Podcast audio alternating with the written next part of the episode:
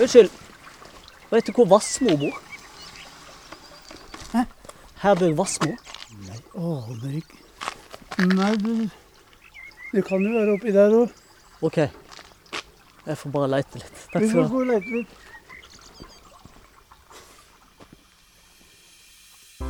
Vi er i Åros i Røyken kommune, og det er jo ei perle av et sted. Reine sørlandsidyllen, bare en times kjøretur sør for Oslo. Her bor Herbjørg Wassmo i et eller annet hus. Herbjørg Wassmo debuterte med diktsamlinga 'Vingeslag' i 1976. Og hun slo gjennom med romanen 'Huset med den blinde glassveranda' i 1981. Om tyskerungen Tora som ble misbrukt av sin stefar. Tre bøker skulle bli om Tora, og Vassmo hun fikk Nordisk råds litteraturpris. I 1989 introduserte hun en ny kvinneskikkelse, Dina. Også Dina fikk tre bøker. Og herre min hatt, så Vassmo solgte bøker den gangen. Hun ble jo kalla Gyldendals gullkalv. I de siste bøkene har hun gått stadig tettere på sitt eget liv. Dette og mer til skal vi snakke om, men først må jeg finne riktig hus. Bokpod er sponset av Cappelen Dam med støtte fra Fritt Ord. Produsent Monkberry. Musikk Herman Eide. Hun sa hun skulle ha en glassveranda. Kan det være? Det er et fantastisk fint hus, dette. Jeg ringer på.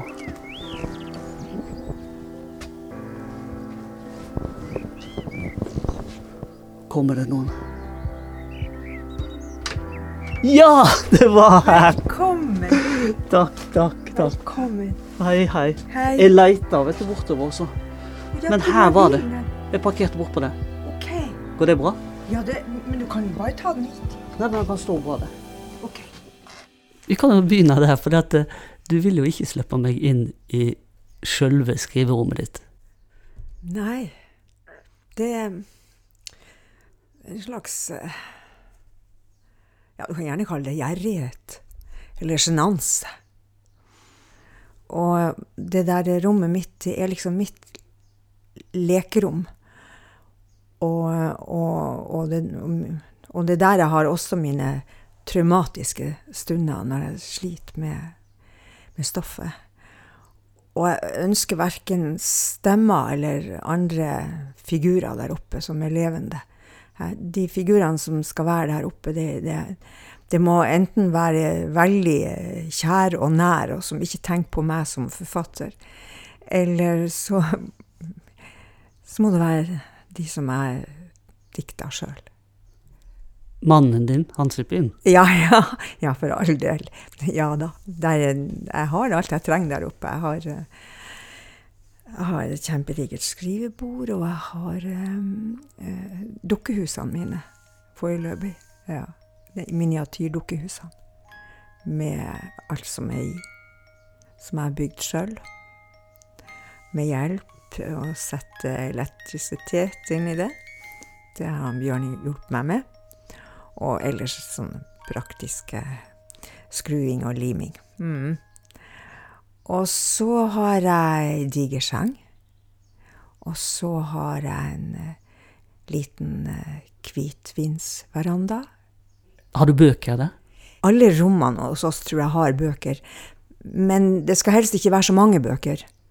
Eh, Og mine egne bøker har jeg bakom ryggen. Men jeg har jo eh, mine bibler der oppe, på en måte. Jeg har jo eh, Virginia Woolf liggende, nå- akkurat nå leser, leser jeg på nytt til fyret, og, og prøver å finne ut hva, hva det var som gjorde at, jeg, at hun ble den store litterære mesen for meg. Og, og den, den gåten er for meg veldig spennende, fordi at for hver gang jeg har prøvd å gå tilbake, så får jeg forskjellige svar. Og det rommet er ikke magisk. Det er ikke derfor ikke folk får komme dit. Det er, det er sjenanse og gjerrighet. Jeg må ha noe for meg sjøl. Og det er kanskje også fordi at jeg har jo skrevet ganske biografisk i de siste to bøkene mine. 100 år og Disse øyeblikk.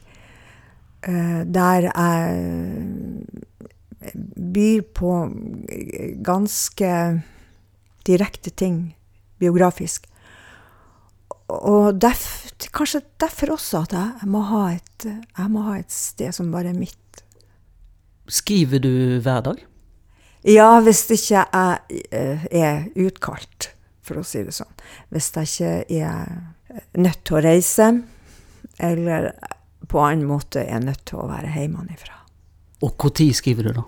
Det er sånn fra morgenen og ut, utover dagen. Men det er klart at når jeg er i en fase der, eh, der jeg ikke ser for meg at jeg er nødt til å sette sluttstrek eh, om et par måneder, så har jeg en mer avslappa måte til arbeidstida. Så om våren, f.eks., når jeg heller vil grave i hagen eller være ute på sundet i robåten min, så, ja, så er jeg ganske avslappa. Da, da kan jeg finne på å ro istedenfor å skrive før frokost. Men hvis jeg er i gruve og bare har dette vanviddet og må bli ferdig, vil bli ferdig, så går timene, og da, da bare sitter jeg der oppe, og det teller verken timer eller, eller datoer. Men hvordan er rutinen din, da? Du våkner? Ja, eh, våkner, og så må jeg bryte litt med kroppen med vekket. Og og så må jeg skrive logg. Logg? Den loggen, det er der jeg skriver temperatur, vær, vind og, og eh, hvor jeg er. For det er jo ikke bestandig jeg er hjemme, og loggen må jeg ha med meg overalt. Så eh, man vet alltid og Hvis, hvis det skulle bli noe med meg og politiet, f.eks., så vil de alltid kunne bla tilbake og se hvor jeg var Eh, og hvis de er ute etter noen av de personene som kanskje er rundt meg, så vil de finne dem også nevnt uten noe særlig føleri. Men bare sånn helt eh, korrekt, kort. Men ingen adjektiver, ingenting av den sorten? Det er bare Det hender at det står 'himmelen og komme hjem'. Det skal ikke stå noe føleri der. Det skal ikke det, men det skal stå når jeg setter ut priklingene. Eller når jeg tar det første havsbadet. Eh, eller når jeg ror første gang om våren. Det skal stå. Og det skal stå at spurvene har inntatt kassene rundt omkring. Skal du bruke det til noe? Nei. Det er en slags trygghet, eh, trygghetsmani. På den måten så tror jeg jeg forankrer meg i verden. For det er ikke bestandig at jeg syns at jeg har noen plass i verden. Jeg syns jeg flyter ganske mye rundt. Men du logger hver morgen, da? Ja. Første du gjør? Ja, ikke første jeg gjør. Nei. Først våkner jeg og kvitter meg med angsten. jeg har veldig dårlig forhold til å våkne. Så du, så du er ikke sånn ny dag, nye muligheter? Nei, men jeg, jeg, har, jeg har, lært meg lekser sånn at jeg våkner på den måten at jeg holder et lite foredrag for meg sjøl om hvor privilegert jeg er, og for en deilig dag det kommer til å bli, og, og at eh, jeg nok kommer til å finne de ordene jeg skal finne, og at den katastrofen som jeg trodde kom, den kom ikke i går heller. Så jeg har jo stor eh, humor på mine egne fobier. Men de er like alvorlige for det når de, når de pågår. Og en er av humor. Så går jo alt i dass. Men så øh, du har gitt deg sjøl et sånn selvhjelpskurs. ja. Kickstart. ja. Du har skrevet loggbok, og så er det kaffe og skriving? Er det eh, så kaffe, og så må jeg ha avis. Før du skriver, ja? Ja. Jeg må, jeg, må, eh, jeg må, se litt i avisen. Og det må være stille. For, altså, jeg har et dårlig forhold til folk som snakker veldig om morgenen. Noen kaller det over morgengutten. Ja, du kan kalle det hva du vil, det er nå sånn det er. Eh, men det, da er jeg hele dagen, og natta også, fordi at skrikende eller, eller høye, belærende stemmer, det har jeg et veldig dårlig forhold til. Ja, det har vi alle. Ja, men noen syns jeg er veldig eh, Ja, de, de, er menneskelige på den måten at de tåler mer. De, de, akkurat, som de skjønner at ja, ja, hun eller han de har en sånn stemme for at de er nødt til å hevde seg, eller for at de er engstelige. Men akkurat når jeg hører de der stemmene der, så blir jeg bare irritert. Jeg skjønner, jeg vil ikke skjønne at det sikkert er en grunn for at menneskene har sånn stemme. Så avis, kaffe, og så Ja, så det opp. så du på jobb. Ja. Men eh, Hvor mye er klokka da? Ja, den er jo i hvert fall Den er nå ni. Og hvis jeg ror før frokost, da kan det være ti før jeg, før jeg kommer i jobb. Jeg bare begynner å slå på tastaturet. Og eh, skal helst ikke tenke på at dette skal bli litteratur, for da får jeg prestasjonsangst og begynner å tro at jeg er noe, at jeg er nødt til å gjøre det like bra som forrige gang, eller at folk kanskje misliker det jeg gjør. Og hvis jeg er inne i den banen der, da kan jeg bare like godt legge meg og sove, rett og slett. For det, det er ikke fruktbar. Men hvis jeg derimot begynner å klaske på tastaturet, og bare lar de ordene komme som kommer, med stor tiltro at de kan, de kan brytes ned, og de kan um, strykes. 80% av det du skriver, blir kasta, har du sagt en gang. Ja, hvor sant er det? Ja, det er antagelig sant. Jeg liker ikke å tenke på det som statistikk, men, men shit, det, det, er vel sånn det er. Det er veldig mange år siden jeg prøvde å skrive disposisjon over bøkene mine. Og um, det, det, funker ikke. Det blir aldri sånn uansett. Så um, jeg bare øver meg hele tida. Veldig uproft. Ja. Og så bruker jeg selvfølgelig veldig, veldig lang tid på å, den, det jeg kaller redigeringsfasen. Ja, for nå virker det som du er litt ustrukturert, at du kan begynne hvor som helst, egentlig. Og... Ja, men jeg begynner med det som faller meg inn, da. Men noe veit du når du går i gang med et prosjekt? Ikke, bestandig jeg vet noen ting. Noen ganger vet jeg at jeg har noen personer som jeg skal ta vare på, og som jeg skal følge. Uh, ofte så har, den, så har de personene eller tankene omkring det nye stoffet plaga meg lenge. Plaga meg før jeg slutta den forrige boka. Det skal helst være sånn. Hvis jeg da ikke har noe som plager meg, da føler jeg meg helt alene og hjelpeløs. Men begynner de som et navn, eller begynner de som en skikkelse? Ja, det har begynt så forskjellig at, at jeg kan egentlig ikke gi det samme Si at sånn begynner en ny bok.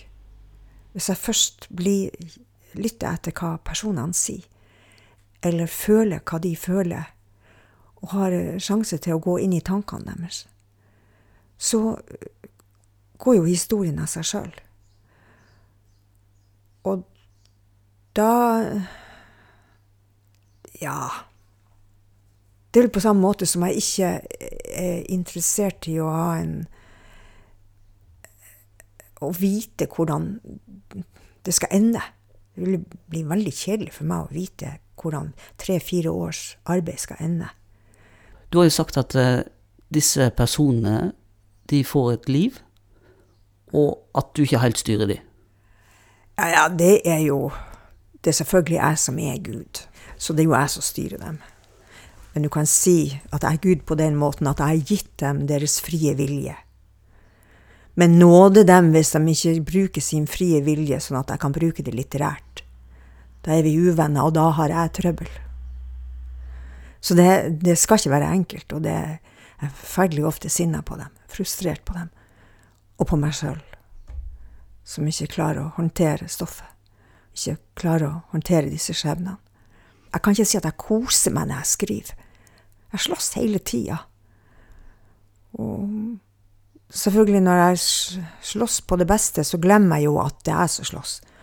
Og da er jeg inne i stoffet på den måten at jeg, at jeg er der, at jeg ser dem, at jeg lukter dem, at jeg føler dem. I det hele tatt må jeg glemme meg sjøl hvis jeg skal skrive bra. Og for å glemme meg sjøl, så må jeg ha noe å drikke, og så må jeg være varm på beina. Og så må jeg ikke ha ansvaret for mennesker. Eller jeg må kvitte meg med ansvaret for menneskene. Jeg må i det hele tatt gå inn i en egoistisk prosess som som omverdenen ikke bestandig godtar. Men det må være sånn, ellers får jeg ikke gjort noe. Jeg tar jo ikke telefonen. Eh, fasttelefonen skal jeg helst ikke ta, for jeg er så ubehagelig på fasttelefon. For der er det jo folk som jeg ikke kjenner, som ringer meg. Men jeg skal helst ikke ta mobiltelefonen heller, hvis jeg ikke har bestilt den samtalen. At det er ungene mine som jeg har bestilt, skal ringe meg. Veldig usympatisk person jeg jobber. Har ingen følelse med at folk trenger meg, eller at jeg skal være høflig. Egentlig er du ikke noe medmenneske. Du er Du skriver de jævla historiene dine, og det er det du gjør. Det er det du, det er det du lever for. Sånn må det være. Men jeg er jo veldig glad når jeg dukker opp der jeg har behov for mennesker, at det er noen som allikevel gidder å møte meg. For det Ja, jeg skriver jo ikke hele tida. Hvor ligger gledene for deg? Det er hvis jeg finner akkurat det ordet som kan utløse akkurat den setninga. Som jeg ikke ante på forhånd måtte være der. Men som bare plutselig var ei åpenbaring. Og det kan få meg til å håpe på at dette er faktisk litteratur. Det er ikke så ofte. Også en glede å ha hatt en lang arbeidsdag ved skrivemaskinen og ikke hatt behov for verken å spise eller å sove eller å noen ting. Bare være helt inni det. Det er jo en glede på etterskudd. Sånn at når jeg tenker på det, at jeg blir takknemlig for at jeg har hodet i behold, og at det fungerer. Så derfor, derfor stuper jeg ikke. Jeg stuper aldri. Jeg er så redd for hodet mitt. jeg, hopper, jeg hopper fra brygga, eller jeg går ut i vannet. Kjempe, kjempeengstelig for at noe skal skje med hodet mitt. Har, har, du skrevet noe i dag? Nei, i dag har jeg ikke skrevet, for da, der har du ødelagt min arbeidsdag. Unnskyld. Du, jeg tilgir deg. Men, men nå, i går? I går var det en annen journalist. Så det er alltid noen som Nei, det er ikke alltid noen. Jeg blir jo så glad for at det er noen som vil ha meg. Så blir jeg så smigra over at det er noen som oppdager at jeg skriver bøker, og som vil snakke med meg. Hvis jeg ikke vært så opptatt av å at folk ikke skulle glemme, hvis jeg bare har latt dem bare glemme, Gitt faen, så hadde jeg hatt mer arbeidsfred. Det er ikke sikkert at det blir bedre bøker for det. Er du bekymra for det? Man blir jo glemt. Som menneske blir man glemt. Det må man bare ha helt klart for seg. Og det er jo målet mitt også, så det var veldig fint du spurte om akkurat det. For det at eh, jo eldre jeg blir, jo mer er jeg klar over at min, mitt virkelige prosjekt, mitt virkelige litterære prosjekt, det er jo å skrive tekster som er mye, mye større enn det lille mennesket her, Bjørg. Og som har en udødelighet som jeg er klar over at hun ikke har. Tvert om. Jo fortere det mennesket blir glemt, jo bedre er det for teksten. Og til og med hvis man, det skulle være noe, et par myter omkring forfatteren, så jo fortere det hverdagslige mennesket er glemt, jo bedre grobunn har mytene om forfatteren. Hva myter vil du helst skal stå igjen? Nei, det skal jeg overhodet ikke ha noe med å gjøre. Når du skriver, du skriver ikke kronologisk, tydeligvis? Nei. Du bare begynner litt her og litt der? Ja, en rotekopp. Rett og slett. Og så skal du pusle dette sammen etterpå? Ja. Det høres ut som en enorm jobb. Det er et helvete. Det er da jeg har det verst. Og ikke bare skal historier pusles. Og noen ganger har bøkene vært kjempetjukke. Så da skal det pusles sammen. Og da viser det seg dessverre at jeg mangler ting som jeg tror jeg har skrevet. Og når jeg da skal sette meg til til å skrive de der parentesene, for det er jo bare små parenteser, ikke sant? Små brikker. Ja. Så blir det så jævla mye dårligere enn jeg hadde tenkt meg. Og så har jeg det gående med det der 'dette blir ikke bra nok', og da er jo jeg begynt å tenke på at noen skal lese det. Den første som leste, jo mannen min. Nå er vi mot slutten av prosessen? Ja, nå er vi mot slutten. Det er når jeg redigerer, og tror at jeg har iallfall stoffet. For jeg må, jeg må grovredigere, som jeg sier, før han, som den første leseren, leste. Så til syvende og sist så må jo forlaget og jeg sette en slags eh, Altså i hvert fall et årstall på når dette skal ut. De venter til, til de får beskjed at Bjørn leser. Da vet de at, at, at det henger noenlunde på greip til at de også kan få lese.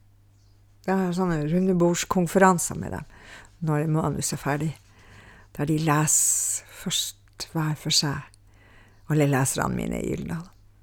Og så snakker de med hverandre, og baktaler meg selvfølgelig på det mest groteske. Og så møtes vi.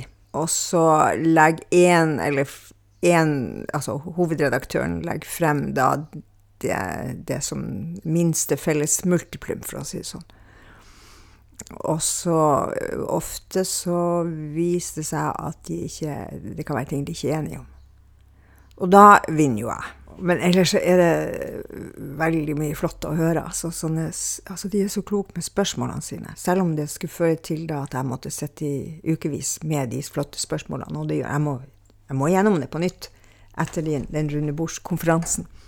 Men da er jo manuskriptet på en, et sånt stadium at det er jo aldri snakk om grensesprengende redigering eller noe sånt. Det, dette er jo snakk om klipping og tilføying. Og, og jeg, s- jeg syns det er en gave å ha mange øyne som ser. Det er en prosess. Jeg har det ikke bestandig like lett når jeg sitter her. Det kan jeg ikke påstå. Hvor er du eh, nå i prosessen? Nå øh, er jeg der i prosessen at jeg helst ikke vil snakke om det. Men ikke et menneske har lest. Så jeg har i over et år igjen. Kanskje har jeg mer igjen. For jeg vet enda ikke hva jeg holder på med. Nei, jeg er så uprofesjonell som noen kan få blitt. Jeg skriver Jeg vet ikke Jeg må, jeg, jeg må ha alt på minnepinne før jeg går fra bordet for å sove eller for å gå ut av huset. Jeg må ha minnepinne med meg.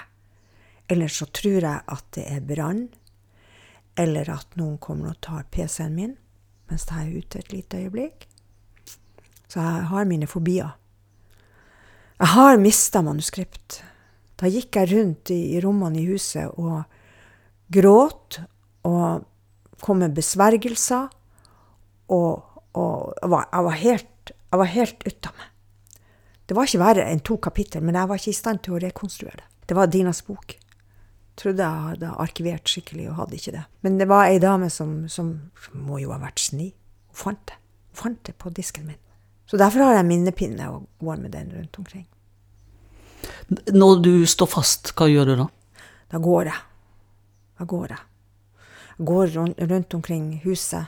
Jeg, jeg kan gå rundt hele huset, gå trapper opp rundt hele tomta. Eller jeg kan gå bort til dukkehuset og åpne dukkehuset, og så kan jeg flytte på unge Mozart. Og ja, han er der. Det er en musikalsk familie som bor i det ene huset. Det er to hus. Ja, det er og et oransjeri. Det er egentlig tre hus. Og så har jeg et uh, som er flatpakka enda, som jeg ikke har satt opp.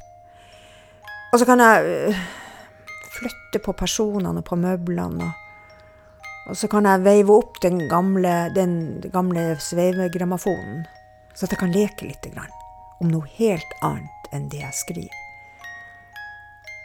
Og, uh, men jeg, ikke, jeg skal helst ikke ha noen som begynner å snakke til meg mens jeg gjør disse tingene. For det kan bli krise. Hvis jeg begynner å involvere meg i verden, da, det, det kan bli krise.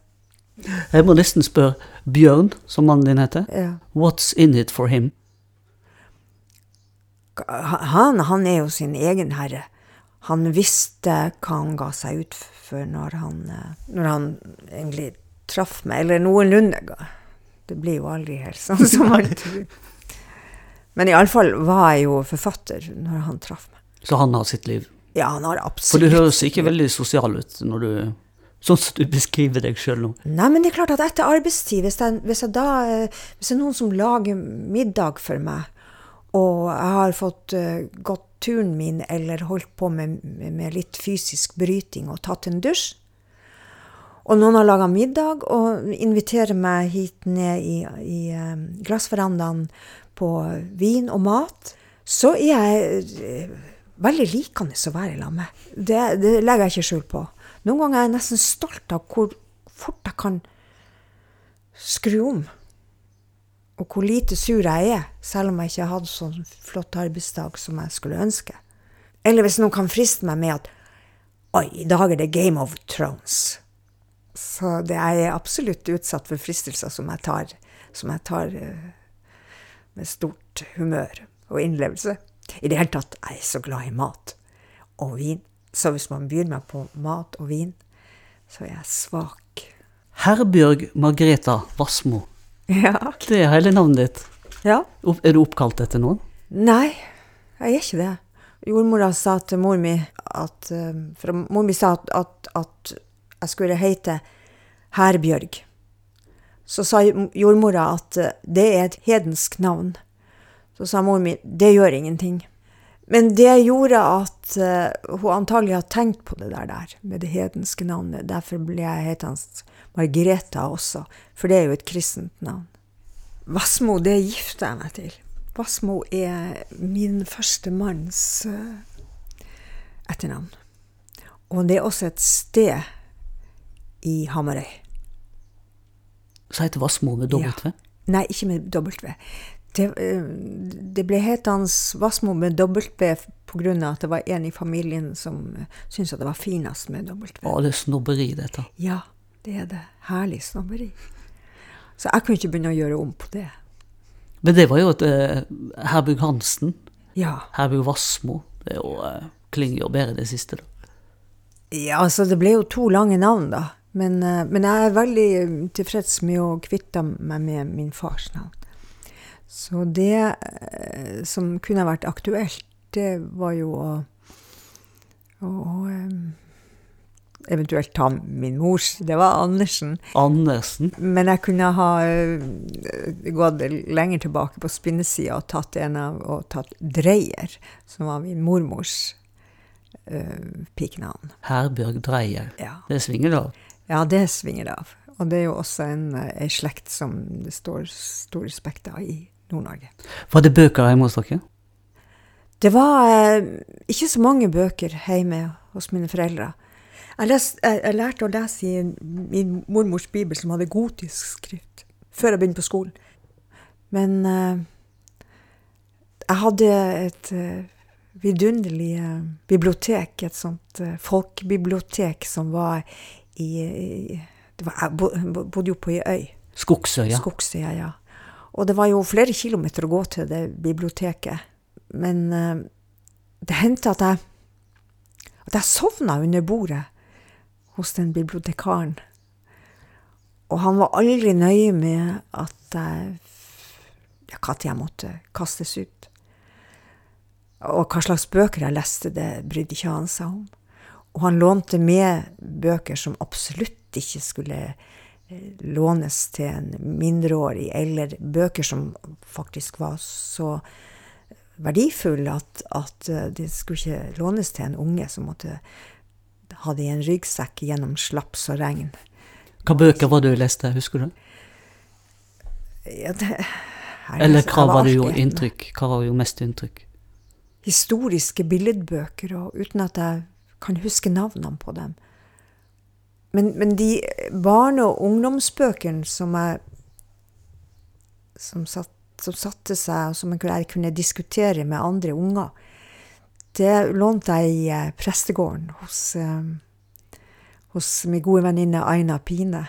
For de hadde, de hadde veldig mange bøker i prestegården, og det var jo der som var mitt annet hjem. Det var et fristed når jeg vokste opp. Det betydde voldsomt mye for meg å ha de der. De ha det stedet. Du var glad i å lese. Ja, jeg, var, jeg leste hele tida. Skrev du òg? Jeg skrev på den måten at jeg, jeg førte logg. Og det var ikke sånn logg som jeg skriver nå. Det var den loggen som, der jeg noterte det som jeg ikke kunne snakke med andre om. Ikke fortelle til noen. Det var om overgrep, sted, klokkeslett. Det var veldig nødvendig for meg å finne ut av klokkeslett. For at når det Da kunne jeg også Men jeg, jeg, jeg noterte klokkeslett etterpå. For da, da kunne jeg liksom dokumentere at nå er det ferdig. Nå kan jeg være meg sjøl igjen. Jeg tror det måtte være det. Og det kunne jeg ikke vise til noen. Og det var, det var en slags um, Jeg skjønner jo nå at det var en slags terapi. Det er jo ikke sånn jeg skriver logg nå. Har du tatt vare på den loggen fra den gang? Jeg gjorde det i mange år. For jeg var overbevist om at uh, jeg skulle anbe uh, anmelde min far. Jeg gjorde det ikke. Men jeg skremte han med det. At hvis det hendte noe med meg, så var det alltid en som kunne lese det jeg hadde skrevet om alt. Det, men så Så fant jeg ut at de skulle jeg bare kvitte meg med. Jeg skulle bare brenne dem. Men da var jeg godt voksen og hadde fått barn sjøl. Jeg vet ikke om jeg angrer på det. Jeg snakka med terapeuten min om, om det. Og sa at hvis du, hvis du følte deg så som sånn herre over ditt eget liv, så sterk da at du bare gjorde det, så var det jo din bestemmelse å være så sterk uten de bøkene. At det var, det var nok at du var i stand til å skremme han fysisk. Og at du kunne bruke ditt intellekt på å skremme han. Og da behøvde du ikke de der puslete loggbøkene. Når vi hører om barndommen din, Ja. så virker alt trist. Men det var jo ikke det. Nei. Jeg hadde en fantastisk barndom. Og heldigvis så hadde jeg en fantasi eller en galskap nok til å sortere. Altså, når loggen var gjort, så var jeg fri til neste gang. Og jeg løy jo fortere enn noen kunne springe. Så jeg løy jo for meg sjøl òg. Og jeg fortalte jo historier til, til de jeg lekte med, mer eller mindre som de lytta på, og med overbærenhet. Jo, som unge så hadde jeg jo en selvtillit som var helt utover all forstand, og den trengte jeg virkelig. Trengte å bygge meg sjøl opp. Og jeg hadde, jeg hadde, jo opplevelser i naturen, og var et, på mange måter et Eller på alle måter var jeg et elska barn. Bare det at de skjønte ikke hva de måtte, måtte elske, for de, ante ikke hvem jeg egentlig var. Og de, jeg innbilte meg jo at i det øyeblikk de ante noen ting om min skam, så kunne de ikke elske meg mer. Derfor var det veldig viktig at de ikke visste noen ting. Og at jeg kunne eh, forføre dem til å tro at jeg var bare en vanlig liten løgner. En lystløgner? Ja. Men det at jeg var en vanlig liten lystløgner, det brukte jo faren min for alt han kunne. For at han sa jo at det er jo ingen som vil tro om du vil si, om du forteller det sånn som det er. Alle vil jo tro at du bare er en løgner, og at de vil sende deg bort, og din mor vil dø av skammen. Så det var mitt ansvar at, at verden, at hjemmet, at familien, at min mor hadde det bra. Men du skrev ingenting annet dikt eller på den tiden? Jeg begynte å skrive dikt veldig Ja, da gikk jeg jo på gymnaset da jeg begynte å skrive dikt. Jeg hadde ikke noen ambisjoner. Og gikk på lærerskole hadde heller ikke noen ambisjoner om, om, å skrive noe som skulle bli trygt. Men du sendte inn? Ja, det var jo det jeg sendte inn. Til Aftenposten? Ja, da var jeg i, i lærerjobb i Honningsvåg. Det var fantastisk å få diktene trykt i Dagbladet og i Aftenposten. Og da hadde de jo tegninger til de illustrerte diktet. Og jeg tror jeg fikk penger for det òg i den tida. da var det jo skikkelige aviser. Det var jo Ja, det var jo en Det var jo kulturaviser. Det kan man knapt si at de har fortsatt med. Du skrev dikt, sant? Sendte inn. Ja. Da hadde du vel en slags ambisjon om å Jo, bli forfatter, drev, kanskje? jo, når jeg var, var satt oppe i Honningsvåg, og, og da var jo der jeg leste mine dikt første gang for noen år. Da var du lærer. Da er jeg lærer. Eh, da hadde jeg vel noen sånne drømmer om å bli kunstner, eller få trykt ting. Da var det Og så sendte du det inn til forlag. Ja. Da da hadde jeg ei datter som var ganske interessert i eh, telefonkatalogen. Hun, var, hun hadde ikke lært å gå, så hun satt på gulvet og bladde i telefonkatalogen. Så hun flæra ut uh, ganske mange sider, men ikke G. Der sto Gyllendal. A flæra hun ut. Der sto- Ja. Så, så jeg, f- jeg fikk uh, adressen til Gyllendal og sendte det til Gyllendal. Jeg så jo det brevet. Ja, hva det slags brev det var? Dette var 10. mars 1977. Det er fra Sigmund Hoftun. Ja. Kjære Herbjørg Wassmo. Fikk akkurat diktsamlingen din i hånden. Jeg er like spent som du. Forhåpentligvis vil også konsulenten skynde på litt. Vi tar jo hensyn til dine vinternerver. Det gleder meg å høre at du kommer til byen tirsdag 29. mars, og at du har hele dagen til disposisjon.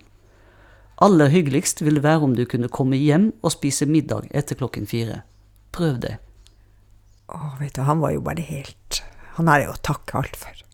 Rett og slett. Jeg, vet jo at det var ikke bare meg. Han tok virkelig vare på sine forfattere. Her er svarbrevet ditt. Klarer du å lese det?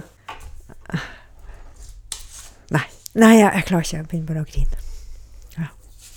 Men du takker for møtet, Ja. og at du hadde hatt det veldig hyggelig å leve på den herlige dagen i Ja. Ja. Og så leverer du inn et nytt korrigert manus. 41 dikt. Ja. Han tok meg jo med på, på Blom, husker jeg. Det var Og um, jeg spiste òg. Så det at Sigmund bare ble borte fra forlaget og Forferdelig tap for alle oss som uh, var glad i han, og som, og som trengte han, virkelig. Det var under den store striden det i Gyllendal, Ja. mellom børs og Det- katedral, kan det man vil si. si, det var jo Han var jo syk. Han eh, Og han hadde store problemer med det man i den tida kalla nervene. Så vi hadde noen fine samtaler om nerver. Det hadde vi. Uten at jeg Og jeg så vel ikke hans tragedie slik jeg skulle ha gjort. Og det var, etterpå, etter at han var borte, så var det jo en sånn samvittighetskval, for jeg tenkte kunne jeg ha gjort ting på en annen måte? Og jeg går ut fra ma veldig mange tenkte sånn. Men samtidig vet jeg jo at mennesker som er inne i en sånn På en selvdestruktiv sti, de, de, de er ikke lett å få tak i. Er ikke det? Det vet jo jeg ganske mye om. Han gjorde alvor av en sjukleg tanke om å vandre ut i skogen for aldri å komme levende attende. Står det på Wikipedia om Hoftun. Ja. Han forsvant. Mm, han var borte i flere måneder. Så fant jeg han om våren, da snøen gikk. Jeg vet ikke om han var de første som så diktene mine, det skal ikke jeg ha sagt. De hadde vel folk til å lese, sånne merkelige damemennesker som sendte inn ubehjelpelige ting. Og kom langt nordfra. Så jeg går ut fra det var andre som så det også, men i hvert fall så fikk jeg personlig beskjed fra han. Han er jo å takke alt for. Det var i 1976 at du debuterte med diktsamlingen Vingeslag. Ja. Den, den, jeg fant en, en, eh, en anmeldelse av den. Velskrivende lærer. Ja, ikke sant? De anmeldte den velskrivende læreren. Var det Finn Jord? Nei, dette var Eli Oftedal, står det. Ja. I VG. Akkurat.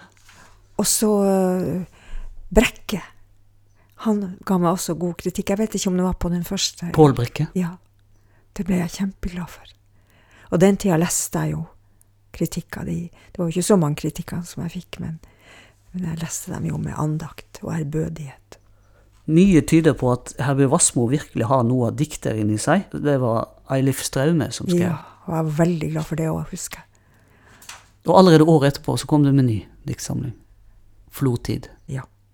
Så det var mye som lå der som skuffestoff som, som, som trengte hardhendt bearbeiding, men, men som kunne bli noe, ja. Men så kommer romanen. Ja, men det kom jo ting i eh, Jeg holdt jo på med å Med prosa Jeg holdt vel på med den romanen om Tora uten å vedkjenne meg den. Den var veldig eh, undertrengt. Den, jeg skjønte jo ikke at jeg kunne skrive den sånn at den kunne bli eh, spiselig for folk. Men, eh, men, men, men jeg øvde meg på prosaen, ja. Mm. Jeg skrev også for Radioteatret. Men så hadde jeg jo så søkkende travelt. Jeg var jo mamma, hadde jo to barn. Og så var jeg i full post i skolen. Og den gangen var det jo seks dagers skoleuke. Og så var jeg jo organisasjonsmenneske. Nordland Lærlag. Prøvde å bygge meg opp på det, da. Jeg trengte all sånn selvtillit som jeg kunne få. Det skjønner jeg jo nå. Men Tora, 1981. Jobba du som lærer da? Da var jo jeg i en fantastisk situasjon. Du da, studerte? Da studerte jo jeg litteraturvitenskap i Tromsø. Og skrev på dette på si? Nei, jeg hadde gjort den ferdig før jeg, før jeg begynte. Jeg, jeg, leste korrektur mens jeg var student. Og folk visste ikke noe særlig om det der, der annet enn forlaget. Og Sigmund var blitt sjuk. Jeg vet ikke engang om han leste det manuskriptet.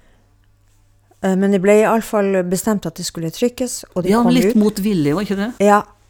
Det var en konsulent som hadde skrevet en, en hvis, de hadde, hvis de hadde rom for det, så kunne de bare gi den ut. Men det var ingenting som skjedde i den boka, så det var ikke noe særlig. Oi. Det var ikke noe særlig. Ingenting som skjedde? Nei, det var ingenting som skjedde i den boka. Så, det var, så jeg hadde veldig lav, lav, dårlig selvtillit før den kom ut. Den kom ut som paperback? Ja. Litt sånn, ja. Ja, venstre hånd. Og så fikk du telefon? Nei, jeg satt i intervju med, med Nordlys. Eh, så det tikka inn en sånn der han, Hva det heter det? heter ikke Telex? Fax Telex. At jeg var innstilt til Nordisk råds litteraturfrist. Og, og, han, og det er jo en vanvittig Jeg sa til Odd, er du så dum at du tror, at du tror på det der? Det er jo noen som sitter og driver ap med oss. Men det var det ikke. Nei. Den ble innstilt. Ja. Din første roman, ja. og så heisen rett opp på Parnasset. Ja, den, altså Jeg fikk jo ikke den prisen, og gudskjelov for det. Gudskjelov for det. Men det var, du fikk jo mye oppmerksomhet? Ja, veldig mye oppmerksomhet. Så plutselig var jeg et kjent navn. Så det var ikke til å fatte.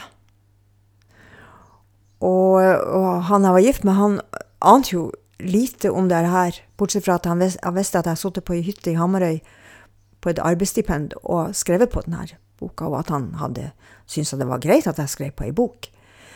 Men ingen av oss hadde vel tenkt at det skulle stå om meg i avisen så fort. Nei. Så det var nå det. Og så fikk du kritikerprisen. Ja, det fikk jeg. Du fikk jo veldig bra kritikk òg. Ja, for de som forsto den. Ja, du fikk blanda kritikk, da. Jeg, jeg, jeg, husker ikke helt, men jeg tror de var De som var negative, var vel kanskje forvirra. Men jeg har gjort meg opp en mening om at det går ikke an at alle har forstand til å lese den boka sånn som jeg vil at den skal bli lest. Det er jo en merkelig bok, da. Ja, er det det? Ja, det syns jeg. Jeg syns nærmest det er en genistrek. Så merkelig syns jeg den er. sånn er det. Ja, altså Ja. Dessuten Jeg skjønte nok ikke sjøl hvor modig den var. Og jeg skjønte ikke hva det utsatte meg for. Av, For menneskene utenfra som kjente seg igjen, og som ikke skrev litterære avhandlinger eller litterære kritikker, de hadde jeg da på telefonen og per brev, og, hele, og dessuten trusler fra folk som var overgripere. Som du fikk den gangen? Ja. Sånn at jeg er veldig glad for at jeg skrev den boka. Du rota i et vepsebol her. Ja. Det ble jo sånn Tora-feber her. Du kom med tre bøker. ja. Og eh, det var sånn venteliste på biblioteket før de kom ut. Ja det, var, ja, det var det på de også. Og så kom prisen. Ja, da kom Nordisk råds litteraturpris. Mm. På tre bøker. Mm. Havna i selskap med Tarjei Vesaas, Johan Borgen og Kjartan Fløgstad. Ja. Første norske kvinne. Ja, og etter Sara Lidman. Som jeg beundra veldig, og som jeg hadde Jeg hadde vært så heldig å bli kjent med. Så hun var jo en av mine, hun min litterære mesen. Hennes romaner fra Lillvatnet, det er jo Fra, fra Nord-Sverige, er jo veldig viktig for meg. Så dukka Dina opp i en drøm. Ja. Jeg drømte prologen. Og jeg, det var jo et mareritt. Altså, det var en, en maredrøm. Og det var så spennende. Så jeg sto jo opp og begynte å skrive ned her, denne drømmen. Vanligvis så noterte jeg bare på ei blokk, men dette var en sånn drøm som jeg bare måtte sette meg ned ved PC-en og, og skrive. For slankt utpå dagen skjønte jeg at, at dette, dette er mye større enn en drøm. Dette er et manuskript. Hun var, hun var bare helt Det, det, det er noe med alt med, med Dina. Hun er så kraftig. Til tross for at hun ikke sier Hun sier hun, nesten ingenting, det mennesket. Jeg hadde vært livredd henne. Det er ganske mange menn som er det. Jeg tror at en del av eh, den maskuline kritikken mot henne er fordi at menn syns hun blir for mye. Hun er jo så lite underdanig som noe menneske kan få blitt. Hun er et sånt menneske som er skummelt fordi at hun er så empatisk noen ganger at hun går over lik. Det er vanskelig å diskutere sånne. Ja. Men for deg er de levende, da, disse romanfigurene. Jeg er nødt til å eh, ha dem som eh, en realitet i livet mitt, for at de betyr jo Mens jeg skriver på de, så betyr de jo faktisk rått sett mer enn de levende menneskene rundt meg. Det vil si ikke, ikke til syvende og sist, selvfølgelig ikke. Men jeg er jo ikke til stede i verden i de, de periodene jeg skriver. Så, sånn er det bare. Dina skulle følge deg i ja, ni år. Eller så mange år? Ja. Det er vel nesten det. Og så har vi reist ut i verden. Det kan du huske på, altså. Og så ble det film. Ja, det ble det òg. Og jeg, jeg husker at jeg lo da castinga var gjort på Maria Bonnevie. Det var helt feil person. Hun var jo, hun var jo en, en, en sart, blond skjønnhet. Uskyldig, sånn som jeg hadde sett henne i filmrollene. Så jeg sa at dette blir jo noe helt annet. Men heldigvis jeg hadde ikke noe jeg skulle ha sagt der. For uh, det Maria gjorde med Dina, det var jo å gjøre Dina til sin Dina. Og det fungerte jo som bare det. Dinas bok den ble jo òg kåra til beste skjønnlitterære bok i 80-årene. Den er jo kåra til så mye forskjellige ting. Ja, ja. Jo, den har, den har opplevd mye, den boka. Og jeg med den. Og du har tjent gode penger på den. Ja, det gjorde jeg også. Ja. Absolutt. Og jeg tjener jo enda penger fra utlandet på den boka. Du solgte jo vanvittige bøker på den tida. Mye. Ja.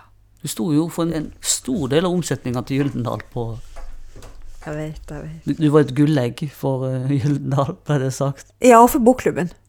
Ja. Det er sikkert ikke for ingenting at jeg er gudmor på for- det huset i, i, i, uh, i Nydalen. Og for Harstad. Ja, ja. Ja, Ja, ordføreren i Harstad, han kalte meg for skatten sin. han var for øvrig min gode venn, altså.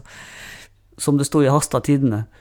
Herbjørg Wassmo, gni deg i øynene og se selv. Inntekt 2,5 million, skatt 1,2. Ja. Han var veldig glad for den skatten. Ja, i det hele tatt for sånne som meg, eller for alle damer, kom i posisjon, ikke bare at man tjener til sitt brød, for jeg har vært igjennom det òg, ikke sant. Man skulle ha utdannelse, man skulle brød for seg sjøl, har, har i 70-årene. Du var ikke noe, altså du var ikke en ordentlig menneske hvis ikke du kunne, hvis ikke du kunne betale for deg til livets opphold. Være med på å betale for dine barn. Det der det, det sitter veldig dypt i meg. Men når du også kunne komme i den posisjonen at du ikke bare tjente til ditt eget brød og til din barns forsørgelse, men at du tjente mer enn de fleste du, du kjente, så var jo det et eventyr. Men det, jeg visste jo at det ville jo aldri vare. Og, eh, men allikevel er det, det, det er sterkt å være uavhengig. Så du kan si, mange som sier penger betyr ingenting. Jeg er ikke enig i det.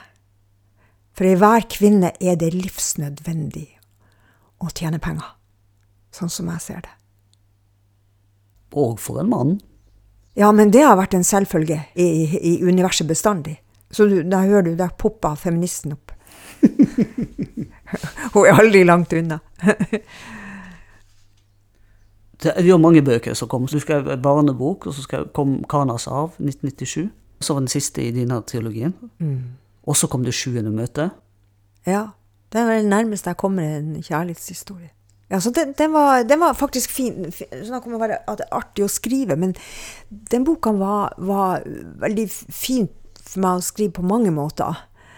Også fordi at det var en mannsstemme og en kvinnestemme som var likeverdige. Gorm og Ruth. Ja. Annethvert kapittel. VG skrev Sitrende god Vassmo, sårt, vakkert, sant og fengslende. Og så skrev Dagens Næringsliv Langdryg kjærlighetssuppe. Å ja, akkurat. Ja. Det der husker jeg overhodet ikke. Jeg tror den eneste måten å, for meg å ha respekt i verden, det er å ha ei ferdig bok som folk eh, enten liker å lese eller ikke å like å lese. Begge deler. Begge deler. Det går ikke an å gjøre alle til laks. Det går simpelthen ikke an, så der slapper jeg helt av. Men du, du leser du kritikken? Nei. Men jeg får jo vite hvordan bøkene mine blir mottatt. Aha, og jeg har jo en i huset som leser kritikker. Så han siler for deg, da? Han, han, han, sier, han sier hvordan boka blir mottatt, og jeg, jeg merker det jo på både forlag og, og folk som jeg møter. Og noen, eh, hvis jeg får gode kritikker særlig, så er det jo alltid noen som sier at de er glad for det. De siste bøkene, de to siste bøkene, kan man si, Ja. er du jo mer biografisk enn du har vært tidligere. Absolutt. Tettere og tettere på deg sjøl. Ja. Det vil si, jeg ser, jeg sier at jeg gått tettere og tettere på meg sjøl. Jeg sier det før boka kommer ut, at jeg gått tettere og tettere på meg sjøl. Men jeg tror at all litteratur er veldig tett på den som skriver, uansett. Jeg tror veldig ofte er det en omskrivning av både innerste tanker og innerste, innerste ondskap innerste tabu. Jeg tror alt finnes latent i det menneskelige. Og det kommer fram i litteraturen. I 100 år. Ja. Da stakk du endelig hull på den byllen, og du sto fram at eh, Tora var jo på mange måter din historie. Nei, den er ikke det. For å si det sånn, Tora er en sartere person og mer sårbar person enn jeg er. Enn jeg har utvikla meg til å være. Jeg har bestandig vært en eh, Jeg har bestandig slåss. Først mentalt, da. Men det å være Slåss mentalt, det er en fin øvelse, selv om man ikke er så god til å slåss fysisk. For jeg var jo ganske lita og snål. Så jo, jeg hadde jo ikke noe mye å stille opp med. Jeg hadde disse ordene, og jeg må ha veldig tidlig funnet ut at ord er makt. Men i 100 år, da kom det fram at du òg hadde blitt misbrukt. Ja. Var det en lettelse å det var en lettelse å gjøre det sånn offentlig. Jeg hadde jo gjort det i nærom, nær, nære relasjoner og familie til familie lenge. Det hadde jeg, gjort, hadde jeg jo gjort etter at min mor døde. Så gjorde jeg jo det. Hun døde i 1985. Jeg Spør meg ikke om årstall. Jeg burde jo vite. 85. 85. Mm. Men det å skrive og, og gjøre en bestemmelse at, at, jeg skulle tore å skrive dette i, eh, i, den, i, i 100 år, som egentlig skulle være en, en, en hyllest til mine formødre, det satt veldig langt inne. Og det stoppa fullstendig opp når jeg skjønte at Herbjørg skulle med. Og det var rett og slett arbeidstittelen 100 år som skubba meg i vei. Eh, fordi at Sara Susanna er født i 1842, eh, og jeg er født i 1942. Så arbeidstittelen var hele tida der. Og etter å ha skrevet et glass melk, takk, om, den, om den, eh, det menneskehandelen der, så syns jeg min historie var bare peanuts. Jeg kunne skrive hva som helst av skammelige ting som gjaldt min lille person for verden var allikevel så mye grimmere. Det var ikke noe å spare på. Var det av hensyn til din far at du ikke fortalte om dette før offentlig? Nei, det var for at jeg var ikke psykisk der. Jeg var ikke mentalt der at jeg hadde tenkt på at jeg skulle skrive den boka. Så det var, det var, det var hensynet til min mor som, som gjorde at jeg Eller til meg det, det, satt veldig dypt at det var mitt ansvar at, at min mor og familien beholdt vettet sitt. Mens min far er det jo et under at jeg ikke har tatt livet av.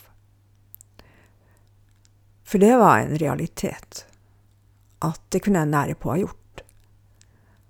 Men, men tilfeldigheter og feighet berga meg. For det er jo et punkt når en sånn overgriper som har totalt makt over et lite barn. Så vokser dette barnet opp, og den maktbalansen forskyver seg langsomt. Ja, han var nok ganske redd meg etter hvert. Det kan jeg tenke meg. Han hadde aldri kontroll over hva jeg kunne finne på. Ikke fra jeg var 13-14 år. Han hadde ikke kontroll over hva jeg kunne gjøre. Og igjen, det var ordet. Det var ordet. Det at jeg klarte å artikulere til han, at jeg klarte å se han i øynene og, og si hva jeg syns. Det var også en episode med et haglgevær. Ja. Da visste han at jeg var i stand til hva som helst. At var Jeg var faktisk farlig. Og at jeg faktisk ikke var redd for at han skulle ta livet av meg. For det var jeg ikke på det tidspunktet. Det var meg knakende likegyldig. Det høres fælt ut, men sånn var det. Men du kom gående på en vei? Ja. Han sto og venta? Ja, han hadde vært på jakt. Og han la fra, nødvendigvis fra seg geværet. På grunn av at han skulle ha andre sysler for seg. Men jeg så det i været. jeg var ikke noen god skytter da. Men eh, nettopp derfor kunne det gått helt ille. Jeg kunne faktisk ha truffet han. Var, ikke, var jo ikke på langt hold. Sikta du på han? Det vet jeg ikke. Men du traff i bakken foran ham? Ja. Jeg var, jeg var, nok mer redd Nei, mer sinna enn jeg var redd. Så derfor, når jeg hører om, eh, om drap, om affektdrap, så det er veldig sjelden at jeg Altså, drap i seg sjøl er jo en uhyrlighet som jeg ikke vil forsvare. Men det dukker alltid opp sånne Heldigvis det unge mennesker som har gjort det. Det dukker alltid opp sånne skygger fra mitt eget liv som gjør at jeg forstår at det ikke er sikkert at tingene er så enkelt som jøssen vil ha det til. Eller gjerne vil, vil at det skal være. Du og din far ble jo aldri forsont på noen som helst måte. Nei. Han, han, han, han hadde ikke evnen til å se at han hadde noen feil.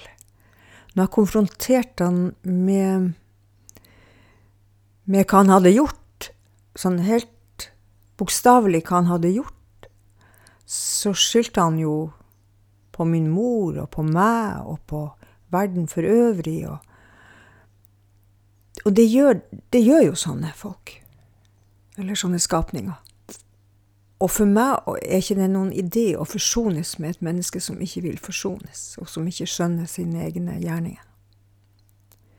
Man må aldri snakke til meg egentlig om forsoning og tilgivelse i, i, i den, i den eh, på, på, sånne ting.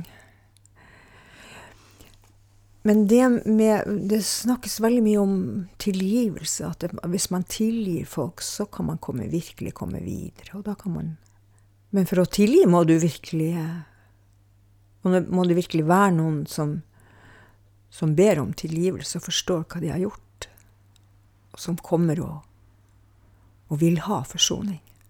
Og så må det jo være eh, noe som du har Som du er så kvitt at en eh, At du reelt kan stå inne for den tilgivelsen.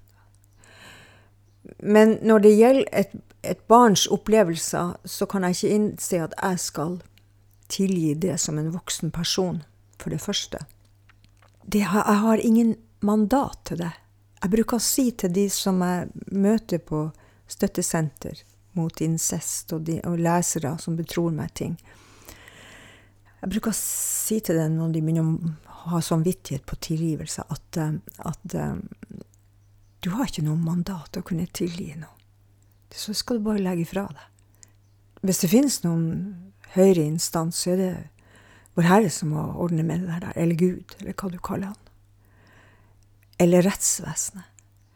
Det er de som må tilgi, det er ikke du som skal tilgi.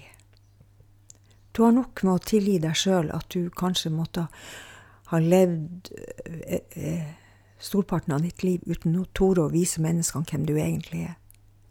Så du har, du har en heldagsjobb med å tilgi deg sjøl. At du ikke har klart å stått frem og, og vise deg som et helt menneske. For det kommer jo etterpå. Jeg føler meg jo som en kjempetufs og som en feiging som måtte bli godt voksen før jeg kunne Ja, gammel. Før jeg kunne si at hæ, her er jeg. Aldeles sånn som, jeg, sånn som jeg skulle ha vært for lenge, lenge siden. Og det er ikke noe å pynte på. Så det er nå den historien. Var det en lettelse da han døde? Ja. Det var midt på natta. Søstera mi ringte meg og sa at de, de har funnet han død i senga si. Det var en lettelse. Og det var jo i Vi bodde da i Oscars gate, i en av de flotte husene der. Så vi hadde en veranda ut mot Oscars gate under et tårnrom. Og så sa jeg til søstera mi Hold forbindelsen ei, ei stund. Jeg skal bare heise flagget. Så, så lo hun, og så sa hun Det er mørkt på natta, Herbjørg. Ja, det gjør ikke noe. Så gikk jeg ut og stakk. Det var jo sånn verandaflagg, så det var jo ikke det helt store flagget. Men allikevel i Oscars gate flagget mitt på natta. Det er jo bare gærninger som gjør sånn. Det var så flott. Og så tok vi oss hver sitt glass og gråt for vår barndom. Det var det. Og så arrangerte vi begravelse. Og når de senka han i jorda, så ah, Det var godt. Ferdig. Hadde du blitt forfatter uten den opplevelsen i barndommen? Det hadde jeg nok. Men om jeg hadde kunnet skrevet de bøkene jeg har gjort, det skal jeg ikke svare verken ja eller nei til. For den røde tråden i ditt forfatterskap er det forsømte barn. Ja, det er den røde tråden. Og den skal jeg på ingen måte benekte. Den kommer sikkert til å dukke opp i, hvis jeg får uh, ut flere bøker. Helt sikkert. Hvis? Ja. Man vet aldri noen ting.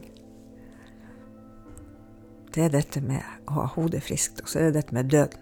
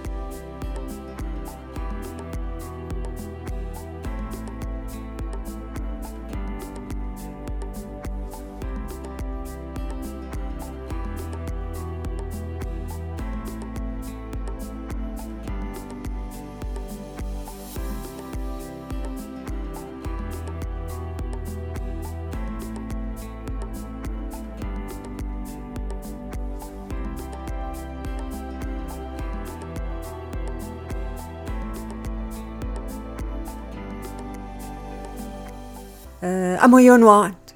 Jeg er lei av, eh, jeg er lei av dama. Deg sjøl? Ja. Jeg må være fri. Jeg må strekke meg etter noe annet. Jeg vil si jeg er ikke lei av dama, nei da. Jeg har det ganske godt med meg. Jeg, jeg liker meg sjøl ganske godt. Være sammen med, særlig alene. jeg syns ikke jeg er så kjedelig som mange vil ha det til.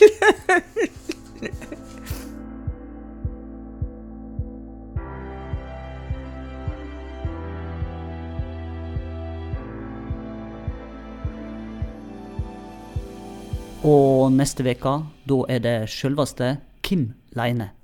Vi høres. Da tok jeg og skrapa morfinplaster til kroniske kancerpasienter og blanda det opp med vann. Og trakk det opp i ei sprøyte og så injiserte det. Og det, den dosa øka og øka og øka. Så til slutt så lå jeg der bare. Og sønnen min fant meg, dessverre. Eh, og heldigvis, selvfølgelig, samtidig. Der tror jeg ville ha vært eh, vekk hvis jeg ikke hadde fått hjelp.